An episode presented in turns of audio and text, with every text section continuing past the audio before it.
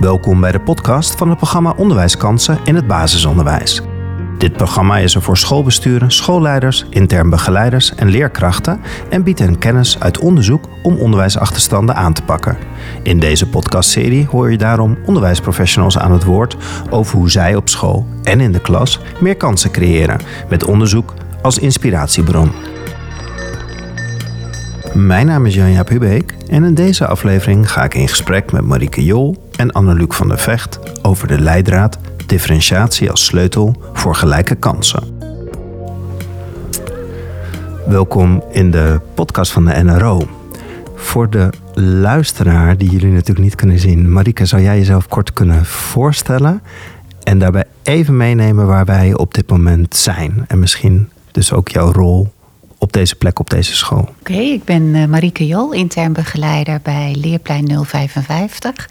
Uh, ik ben intern begeleider van meerdere scholen en we zitten nu op een van mijn scholen, uh, de Marken, in de wijk de Maten in Apeldoorn. We komen uit een zeer zwakke schooltraject. Dat is altijd heel spannend. Dan lig je onder het vergrootglas. Ons is gelukt om in twee jaar tijd van zeer zwak naar voldoende te komen. Daar zijn we heel trots op. Uh, ik werk uh, sinds drie jaar bij deze school en het onderwijskundig, daar zijn we nu over aan het nadenken. Want we waren daarvoor alleen maar bezig om uh, beter te worden. En nu zijn we bezig om na te denken of we niet voor onze populatie beter naar leerdoelgericht onderwijs kunnen. En dat heeft te maken met het feit dat we heel veel verschillende leerlingen hebben met heel veel verschillende niveaus. Dat kenmerkt de omgeving, de wijk? Dat denk ik wel, ja. We hebben kinderen die uh, duidelijk aan de bovenkant uh, presteren... en kinderen die uh, veel meer ondersteuning van ons nodig hebben. Beide, het is er allebei. Ja, het is er allebei. Het mag er ook allebei zijn, hè? Ja, en het vraagt dus ook allebei wat anders. Ja, het vraagt duidelijk wat anders. Nou, ja. Daar gaan we het heel ja. uitgebreid ja. over hebben. Een mooie bruggetje. Anneluc, zou jij jezelf ook even kunnen voorstellen voor de luisteraar? Ja, ik ben Anneluc van der Vecht. En ik ben onderzoeker op het gebied van onderwijs. Dat doe ik al heel erg lang. En op het ogenblik hou ik me meer bezig met het uh, toegankelijk maken van onderwijsonderzoek voor de onderwijspraktijk. En de leidraad waar we het over hebben, over differentiatie, dat is een heel mooi voorbeeld daarvan, denk ik. De luisteraar kan het niet zien, maar voor ons ligt het, het product wat jullie met elkaar hebben gemaakt. Kan jij kort vertellen wat er voor ons ligt en, en hoe is het tot stand gekomen? Want daar zit een idee achter. Ja, dat is de leidraad differentiatie als sleutel voor gelijke kansen. Eigenlijk zijn het zes aanbevelingen voor onderwijsgevenden in het basisonderwijs. Aanbevelingen over, voor hoe je kunt differentiëren op een, op een effectieve manier om ervoor te zorgen dat alle kinderen kansen hebben om uh, de minimumdoelen te behalen. Nou goed, zes aanbevelingen. En bij elk van die aanbevelingen hebben we een onderbouwing gegeven van waarom werkt dit. En ook een beschrijving van hoe werkt dat dan in de praktijk. En daar voorbeelden van bijgegeven. En de samenstelling van de groep is ook nog wel bijzonder. Kan je daar iets in ja. algemeen over zeggen? Nou, dus, die is heel divers. Er zitten uh, onderzoekers bij, zoals ik.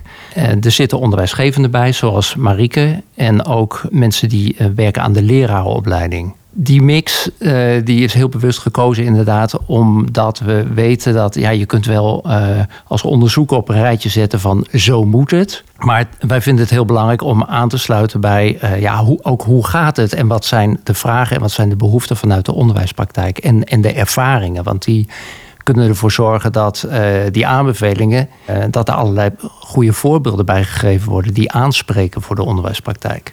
Wat is differentiatie? Zou jij dat kort kunnen uitleggen? Nou, kort, uh, dat, is, dat is nogal veel gevraagd, want differentiatie is, is een heel breed begrip. Ik, ik zal vertellen wat het is in deze leidraad. Daar gaat het om vooral differentiatie in de klas, ook wel tussen klassen. Het hoeft niet beperkt te zijn tot één klas, maar vooral binnen de klas. Met als doel om ervoor te zorgen dat iedereen de minimumdoelen kan behalen. Dat noemen ze ook wel convergente differentiatie. Je zorgt dat iedereen hetzelfde doel behaalt. dus er zijn heel grote verschillen tussen kinderen, maar we willen dat ze in ieder geval die minimumdoelen halen. Er is ook een variant divergente uh, differentiatie. En daarbij is het mogelijk dat je ook verschillende doelen stelt voor verschillende kinderen. Dat je verschillende leerlijnen hebt. En bijvoorbeeld gepersonaliseerd onderwijs Dat is een voorbeeld van meer divergente differentiatie. Heel andere vorm van differentiatie. Zeggen we eigenlijk heel weinig of niks over. Pretenderen we ook niet van te zeggen van nou zo moet je dat aanpakken. Het, belangrijkste waar het om gaat is het, het doel van de differentiatie. Dus dat je wilt alle leerlingen kunnen die doelen bereiken. En we weten dat zoals het nu is, dat het voor heel veel leerlingen nog niet geldt. We kennen allemaal de verhalen van dat er onvoldoende, uh, onder VMBO-leerlingen bijvoorbeeld, dat ze onvoldoende goed in staat zijn om, om te lezen, teksten te lezen die ze wel moeten kunnen begrijpen. Ja, daar ligt een opdracht aan het primair onderwijs. Ja.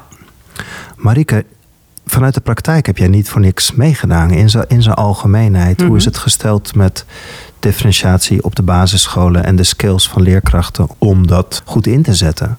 Nou, voordat je kan differentiëren, zul je eerst een eh, basis moeten hebben. Je, zul, uh, je zal um, de kinderen moeten kennen. Je moet weten wat ze nodig hebben. En daarnaast moet je ook vaardigheden hebben als leerkracht om überhaupt te kunnen differentiëren. Je moet ook een goede instructie kunnen geven, dus je moet eh, basisvaardigheden daarin hebben. Dus het zijn een heleboel stappen die je moet doorlopen of je eigen moet maken voordat je überhaupt kinderen verder kunt helpen met differentiatie.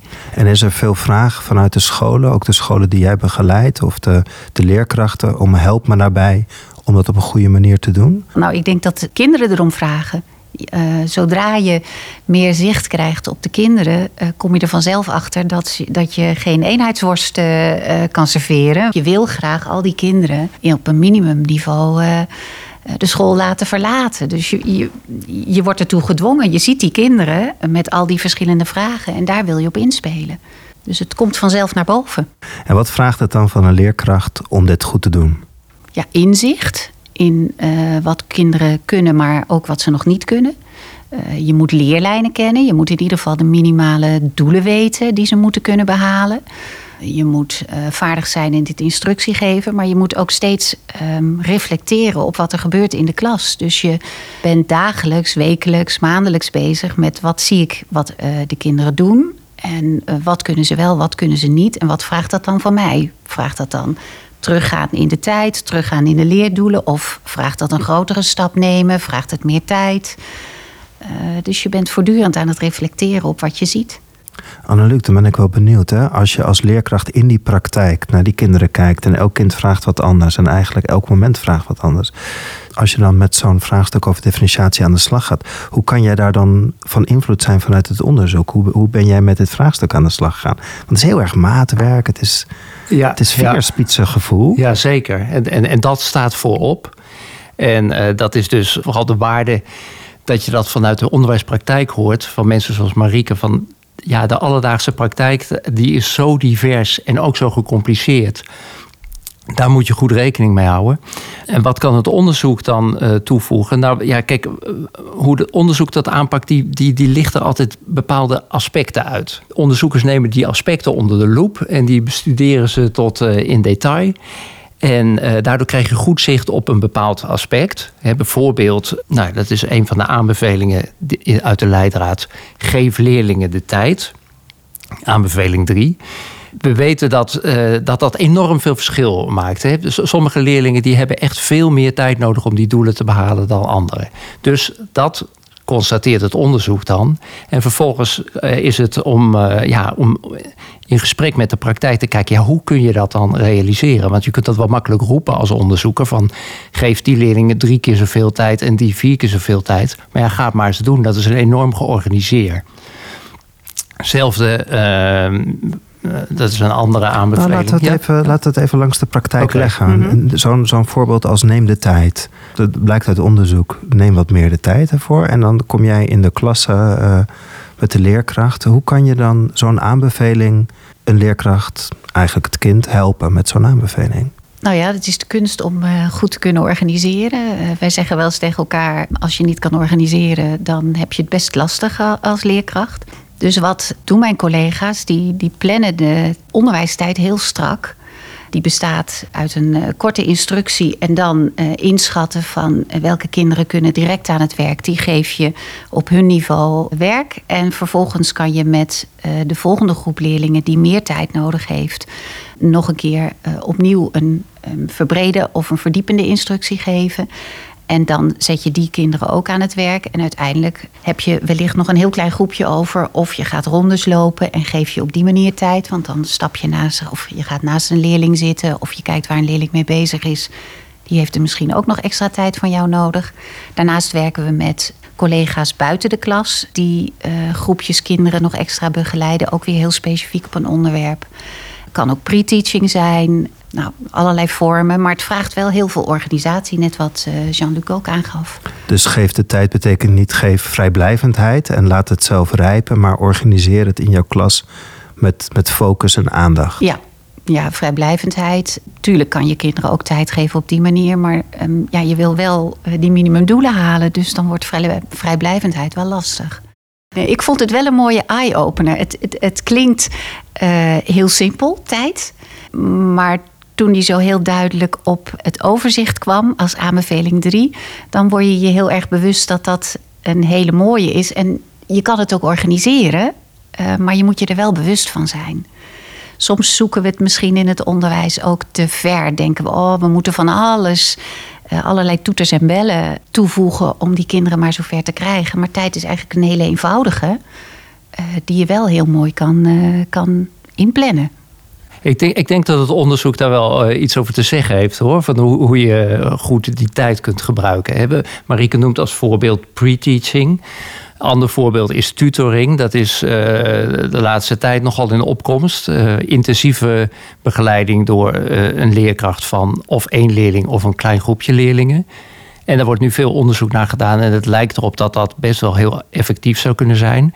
En weer een ander voorbeeld is digitale oefenprogramma's dat is ook iets waarmee, je, ja, waarmee kinderen zelfstandig kunnen werken.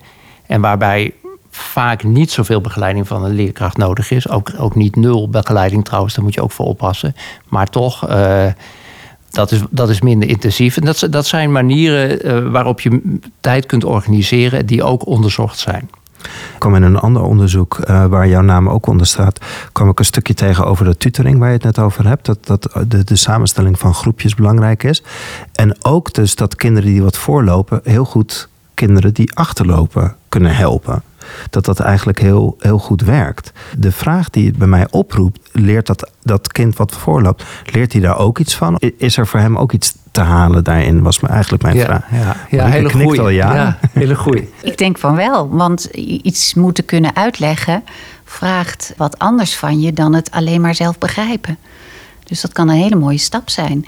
En het is ook een mooie combi om je bewust te worden van wat je misschien nog niet kan. Ook al ben je een stap verder in uh, het leerproces. Het heeft allerlei doelen: pedagogische, sociaal-emotionele uh, winst, maar vooral ook uh, leerwinst. Dus ik denk zeker dat dat voordelen heeft. Ja. Dat onderschrijf ik. En je, je moet ook wel goed bedenken van welke leerlingen zet je bij elkaar. Er is heel veel onderzoek gedaan naar of, of uh, groepjes leerlingen of die heterogeen of homogeen moeten zijn. Nou, uh, en dat wordt vaak in die tegenstelling wordt daarover gesproken. En in de werkelijkheid is het natuurlijk zo dat er allerlei gradaties zijn. En dat je een soort uh, gulden middenweg moet zien te vinden. En dat geldt ook voor het helpen van uh, leerlingen onderling. Er moet wel een goede match zijn. En, en het verschil tussen in niveau, als dat te groot is, kan dat ook weer leiden tot frustratie bij de leerling die al verder is. Dat die ermee geconfronteerd wordt. Ja, die andere leerling die snapt helemaal niks ervan. En die houdt mij alleen maar op. Ja, dat wil je ook niet. Dus je moet er als leerkracht heel goed bij zijn van welke leerlingen zijn een goed koppel.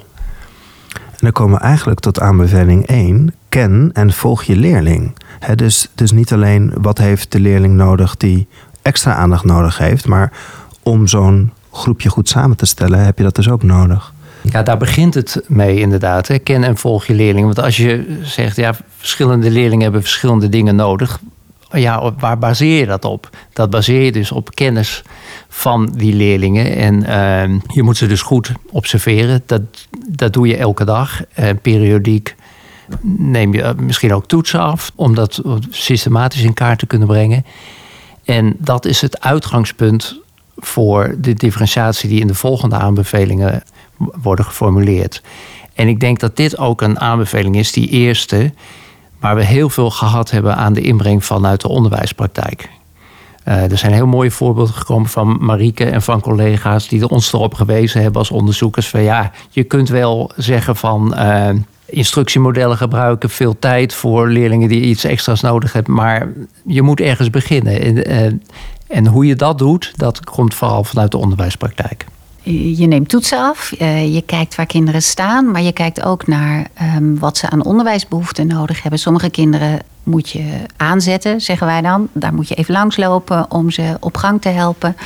Andere kinderen uh, moet je even met rust laten, omdat ze daar meer behoefte aan hebben. Dus het zijn meer de wat zachtere factoren waar je op let. Maar vooral ook de methodetoetsen en de halfjaarlijkse toetsen, het volgen van de leerling. En kijken ook hoe ze hun werk inleveren. Wat hebben ze gemaakt? Wat laten ze zien? Dus het is niet alleen maar toetsen, maar het is ook dagelijks kijken. Uh, wat laat de leerling zien en wat heeft hij of zij nog nodig? En daar vul je op aan. En daar wissel je ook van groepjes. Je, je zet niet een kind een half jaar vast op. Nou, jij moet uh, bij dit groepje en uh, blijf hier maar een half jaar zitten. Dus je bent voortdurend bezig om te kijken wat heb jij nodig en waar schuif, ja, kan jij het beste bij aanschuiven en wat heb je wat heb je nodig? Het, het, het klinkt zo makkelijk van papier, hè? Ja. Hoe heb je dat nou met elkaar te verzorgen in een school? Je, je werkt cyclisch. Uh, je zet een hele jaarplanning weg. Een signaleringskalender noemen we dat dan. Dat is in ieder geval de momenten dat je toetsen afneemt. Momenten dat je met elkaar in gesprek bent. Dat is uh, één op één uh, leerkracht en IB'er. Die elkaar vier keer spreken per jaar. Maar dat is ook twee keer per jaar de, het hele team. Uh, wat met elkaar de resultaten bekijkt en dan keuzes maakt. Uh, bijvoorbeeld intensiever werken aan uh, begrijpend lezen. En dan met elkaar bedenkt van hoe kunnen we dat dan beter doen. We bespreken bijvoorbeeld een leerkracht die mooie resultaten heeft op begrijpend lezen. Bevragen haar of hem van wat heb jij dan gedaan om te zorgen dat jouw resultaten zo goed zijn. En proberen dan uh, te kijken of we dat in andere klassen ook kunnen implementeren. En andersom is dat voor de andere vakgebieden ook het geval. Dus je probeert uh, kruisverbanden te leggen en 1 en 1 is 3 te maken door het gesprek met elkaar te voeren over de resultaten wat je beschrijft is inderdaad en hoe je dat organiseert als school. Hè, dat is wat jij vroeg, Jan Jaap. Dat je elkaar ondersteunt uh, als, als leerkrachten. Maar ook dat cyclisch werken is een heel belangrijk. Hè. In de eerste aanbeveling voor kennen volg je leerlingen is dat ook uitgewerkt in een paar voorbeelden. Van het, formatief handelen, daar doe je dat. Een ander model, response to intervention, is ook gekenmerkt door een cyclische werkwijze. Dus dat is essentieel. Je bent er niet door een keer vast te stellen wat is het niveau van deze leerling? Dat is iets wat eigenlijk steeds doorgaat. Dat, dat moet geïntegreerd zijn in je manier van werken. Dat vraagt dus eigenlijk gewoon ook veel planning. En met elkaar daar langs blijven lopen en daar alert op blijven. Het, het valt al eh, steeds een, eh, een, een paar keer. Het werken in groepjes. Het is aanbeveling 4. Ik moet toch even aan Arjan Lubach denken en aan de andere satirische, de luizenmoeder. De, de maantjes, de sterretjes, de raketjes, de zonnetjes, de groepjes. Mijn ervaring is ook dat kinderen feilloos doorhebben in welk groepje je zit. En ook ten opzichte van een ander. Wat hebben jullie vanuit het onderzoek kunnen jullie meegeven als het gaat over die samenstelling van groepjes? En wat kunnen we leren uit die praktijk? Hoe kijk jij daarnaar, ja. Heel belangrijk is dat die groepjes niet een gegeven zijn waar, dat je, je je hele carrière, of ook, ook een heel schooljaar, dat is ook al te lang een maan bent of een zonnetje of een ster.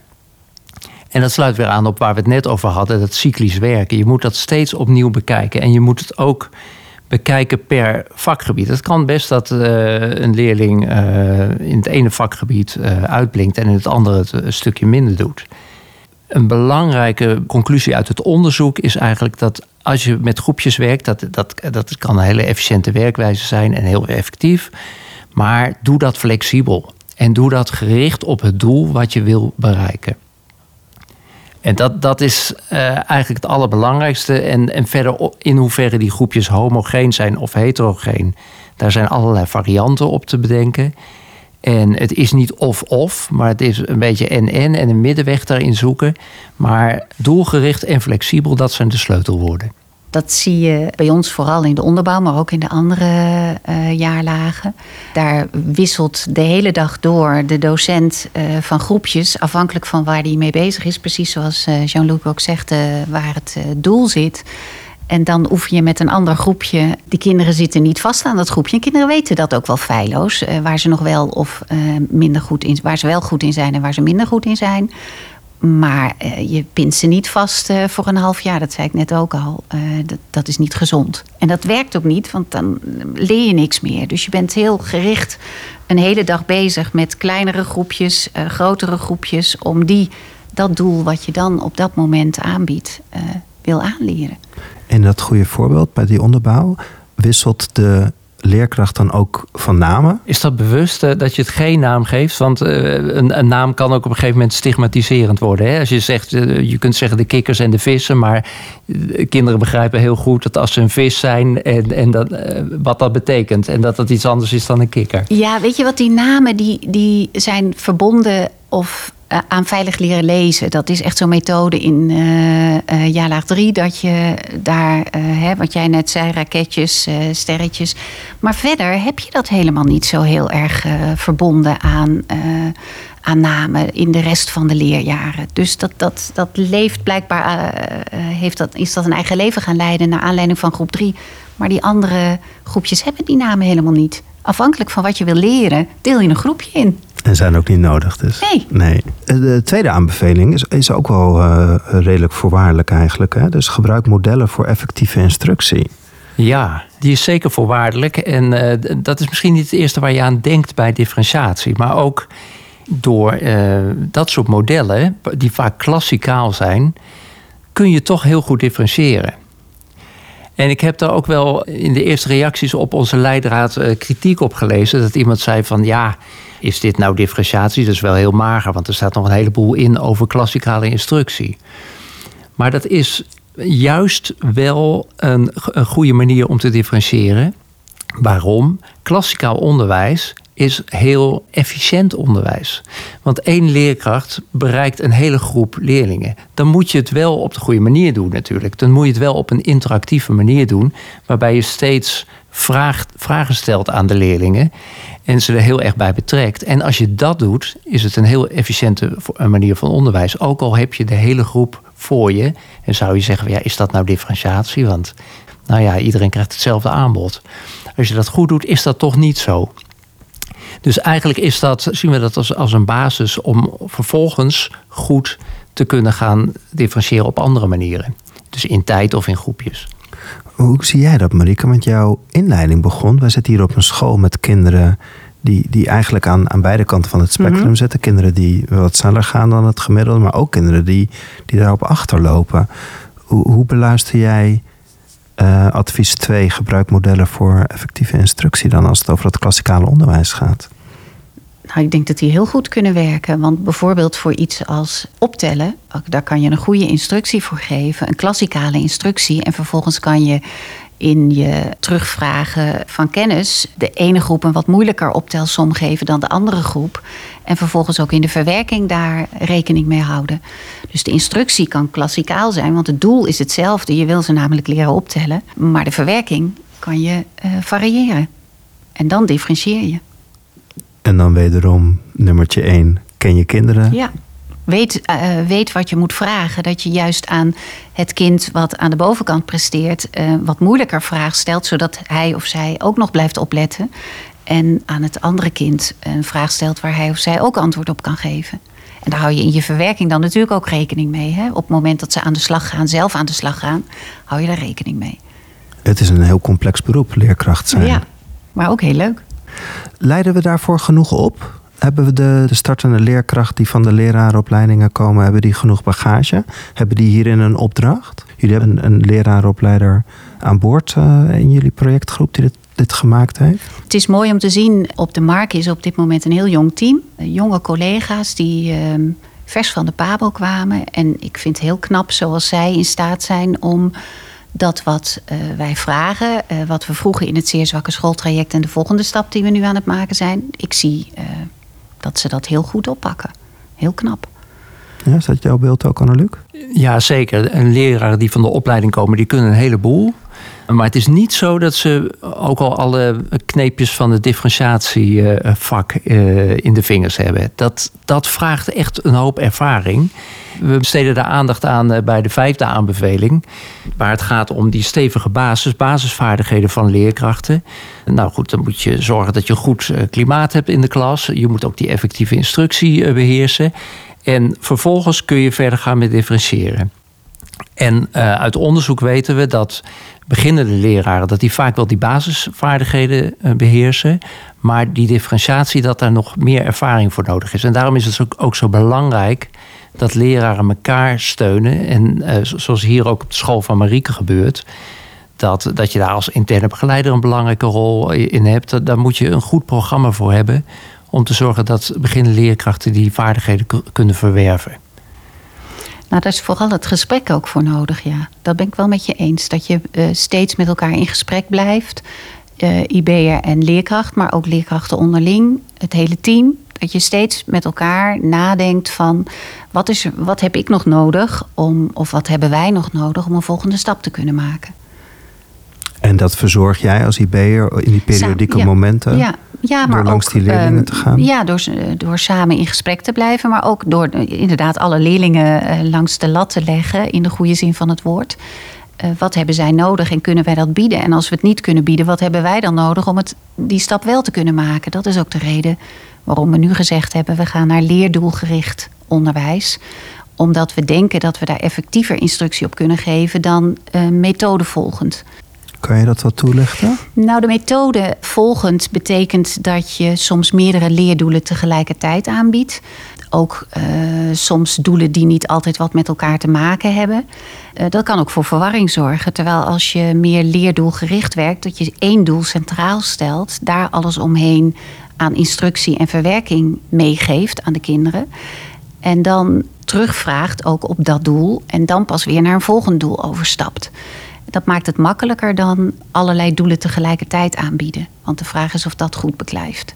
Of liever gezegd, de vraag is: wij hebben gemerkt dat dat minder goed beklijft. En dat vraagt dus ook wel weer extra alertheid van de leerkracht. Ja. ja. Is dat ook iets wat jullie vanuit de wetenschap, vanuit het onderzoek tegen zijn gekomen? Nou, er zijn wel uh, ook verschillende modellen, uh, didactische modellen, die daar rekening mee houden met, met dat principe van leerdoelgericht werken. En we weten in ieder geval dat kijk, je kunt leerlingen verliezen als je tegelijkertijd aan allerlei verschillende doelen werkt. En je moet ook wel in de gaten houden, heeft iedere leerling genoeg van een doel bereikt om voor te kunnen, door te kunnen naar een, volgend doel? En dat weten we wel uit onderzoek dat dat, dat, dat van belang is om dat vast te stellen. En in, in modellen zoals beheersingsgericht leren zit dat, zit dat eigenlijk ook wel. Ze vallen zo mooi in elkaar, hè, jullie ja. aanbevelingen. Daar zit vast een gedachte achter, of niet? alles hangt met alles samen. Ja. Het is wel echt een geheel, inderdaad. De kunst is, kijk, je komt tot zes aanbevelingen, maar eigenlijk is het één verhaal op, op, op het niveau van de school, van de klas, uh, opleiding, alles zit daarin. En goed, we willen dat toch een beetje in de hoofdstukjes opknippen. Dus dat, dat, lukt dan ook wel. Maar eigenlijk is het natuurlijk één compleet verhaal. Ja, want de laatste aanbeveling houdt rekening met je leerlingpopulatie. Dat is natuurlijk op deze school, daar begon jij ook mee. Mm-hmm. Kan je er iets over vertellen in relatie tot differentiatie? De instroom bijvoorbeeld. Uh, er zijn veel kinderen die het Nederlands nog niet voldoende beheersen. Uh, dus dat is iets waar je heel erg alert op bent. En, uh, maar er zijn ook kinderen die heel taalvaardig zijn. Dus ook daar zie je grote verschillen in. Nou is de kunst om ze dan allemaal in ieder geval op een minimumniveau uh, te brengen. Ja, en dan ga je differentiëren in kleine groepjes. heel intensief woordenschat aanbieden. Zorgen dat ze in groep 1 al heel veel daarvan weten. En zo opbouwend naar groep 3. Want dan moeten ze gaan leren lezen. Je doet al heel veel moeite om alle letters voor het voetlicht te brengen. Hoe anders is, houdt rekening met de leerlingpopulatie ten opzichte van de eerste aanbeveling. Ken en volg je leerlingen. Waar zit voor jou in de praktijk het verschil tussen aanbeveling 1 en 6? Nou, ken en volg je leerlingen. Uh, dat, dat heeft natuurlijk sowieso te maken ook met de leerlingpopulatie. Maar het een volgt uit het ander. de leerlingpopulatie en vervolgens zie je afhankelijk van uh, je populatie wat ze presteren. En daar anticipeer je op. Ik denk dat bij de, de, die zesde aanbeveling houdt rekening met je leerlingpopulatie. Daar gaan we ook in op verschillen die er zijn tussen scholen. Je hebt scholen met veel achterstandsleerlingen die dan ook vaak extra middelen hebben en bijvoorbeeld parallelklassen kunnen organiseren. Ehm, dat biedt weer andere mogelijkheden voor, om te differentiëren dan wanneer je een andere populatie hebt. Dus dat soort verschillen tussen scholen, daar wordt op ingegaan in bij die laatste aanbeveling. Maar ik ben met je eens, er is een link tussen de eerste en de zesde. Dat klopt. Ja, maar de zesde is dan misschien in, in bredere zin. Wat is er op deze school nodig? Juist, dat is meer op schoolniveau. Inderdaad, de ene mm. school is de andere niet. En, en die eerste aanbeveling, kennen volg je leerlingen, dat geldt ook voor elke leerkracht afzonderlijk. Ja, misschien als aanvulling nog. Eh, ik kan me herinneren dat we ook gesproken hebben bij aanbeveling 6 over dat je programma's als opstap voor ouders en kinderen die niet zo heel erg veel weten uh, van hoe het toegaat op een Nederlands onderwijs, uh, wat je van ouders kan verwachten, dat je dat soort programma's dat je introduceert, dat je logopedie hebt, dat je soms gezinsbegeleiding ondersteunt. Uh, zoals schoolmaatschappelijk werk, dat, dat soort ja, differentiatie die ook je populatie nodig heeft. Terwijl aanbeveling 1 echt meer ligt op het individuele niveau van het kind. Wat presteert het kind en wat uh, is de vervolgstap die wij moeten aanbieden om het kind te laten groeien? Ja, klopt, inderdaad. In die de zesde aanbeveling staan specifieke dingen voor uh, scholen met veel achterstanden. Bijvoorbeeld ook voor- en vroegschoolse educatie ja. wordt daar apart even wat aandacht aan besteed. Jullie zeggen beide heel consequent minimumdoelen bereiken. Mhm. De titel uh, differentiatie als sleutel voor gelijke kansen. Kunnen jullie mij even helpen, misschien vanuit de praktijk, misschien vanuit het onderzoek? Want ten opzichte van elkaar blijf je altijd uh, uh, groeien. Hè? Dus de, degene die al wat boven dat gemiddelde zitten of die daar sneller doorheen gaan, die, gaan, die groeien ook harder. dus het is niet gericht op gelijkheid in die zin. Nee, klopt. Het is, het is niet de bedoeling om er een eenheidsworst van te maken. Dat, dat gaat ook nooit lukken. Maar het is wel erop gericht om te zorgen dat, nou ja, dat die verschillen niet groter worden. He, want dat het heel erg uit elkaar gaat lopen. Wat dat betekent eigenlijk als het groter wordt, ja, dat, dat, een, dat kinderen aan de onderkant dat die die doelen niet gaan halen. En, en, maar goed, het, dat is het, inderdaad het centrale. De minimumdoelen of de basisdoelen, zoals we het noemen, die moeten behaald worden. Nou ja, dat is ook een doel van je school, van alle scholen natuurlijk. Je wil het liefst 100% van de leerlingen, ja, dat heet dan 1F, uh, eh, dat is ongeveer niveau eindgroep 6. Je wilt het liefst 100% van uh, nou ja, al je leerlingen op dat niveau minimaal afleveren, zodat ze op het VMBO, wat ja. uh, Anneluc net zei, van, ook kunnen lezen en schrijven en rekenen. Hoe wens jij de luisteraar die in het onderwijs werkt toe? Hoe kan hij dit gebruiken? Hoe kan hij dit verankeren in zijn dagelijks handelen? Nou, ik zou het heel mooi vinden als mensen het als gespreksonderwerp in hun team eh, meenemen. Laten we het eens tegen het licht houden. Hoe doen wij het? En uh, zijn we al zover dat we überhaupt kunnen gaan differentiëren? Uh, hebben we de basisvoorwaarden op orde? neem het mee in, in je teamgesprek. Dat zou ik heel mooi vinden. Agendeer het. Ja, agendeer het. Ik denk dat dat, dat inderdaad precies is wat je ermee moet. Je moet ook beseffen, zo'n leidraad dat is niet een uh, kookboek van uh, we nemen je bij de hand en stap voor stap ga je differentiëren. Dat is niet de bedoeling. Het is wel de bedoeling dat je bewust wordt van alle aspecten die daarmee te maken hebben. En dat je keuzes opmaakt op basis daarvan. En ik denk dat het in die behoefte zeker zou moeten kunnen voorzien. Marika, als laatste vraag. Wat heb jij echt geleerd door het maken van, van deze leidraad? Zijn er, zijn er nieuwe perspectieven op jou gekomen of zijn er inzichten gekomen? Wat nou, heb jij ervan geleerd? Het, het, mooie is dat je de praktijk uh, tegen de lat van de wetenschap kan leggen. En dat je dan ziet uh, dat je op sommige punten heel goed bezig bent en op sommige punten opnieuw het gesprek moet voeren.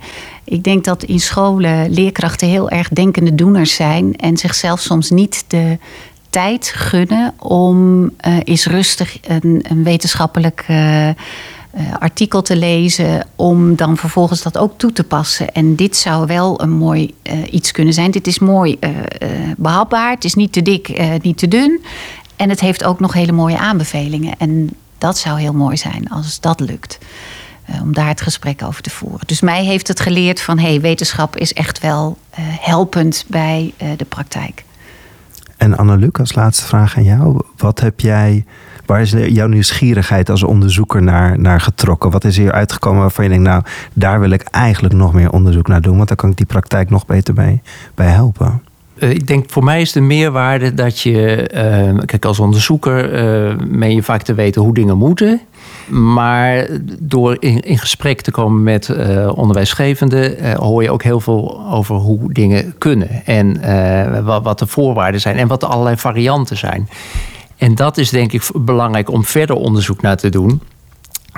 Want die, recepten die we bedacht hebben, van ja, hoe kun je die nou zo aanpassen aan de praktijk, dat, dat, dat die goed werkbaar zijn ook. Want dat, nou ja, dat hebben onderzoekers niet altijd voldoende in het snotje van de, de, de praktische toepasbaarheid. En dat is eigenlijk waar ik me vooral mee bezig wil houden. Die, die toepasbaarheid van onderzoek in de praktijk. Mag ik jullie dan ontzettend bedanken voor ontvangst tijdens corona op jouw school en in de praktijk. En jullie samen bedanken voor het in de wereld zetten van een belangrijke leidraad. Dankjewel. Graag gedaan. Graag gedaan. Het programma Onderwijskansen in het basisonderwijs is een samenwerking van het Nationaal Regieorgaan Onderwijsonderzoek, de PO-raad, het ministerie van OCMW en verschillende onderwijs- en onderzoeksinstellingen.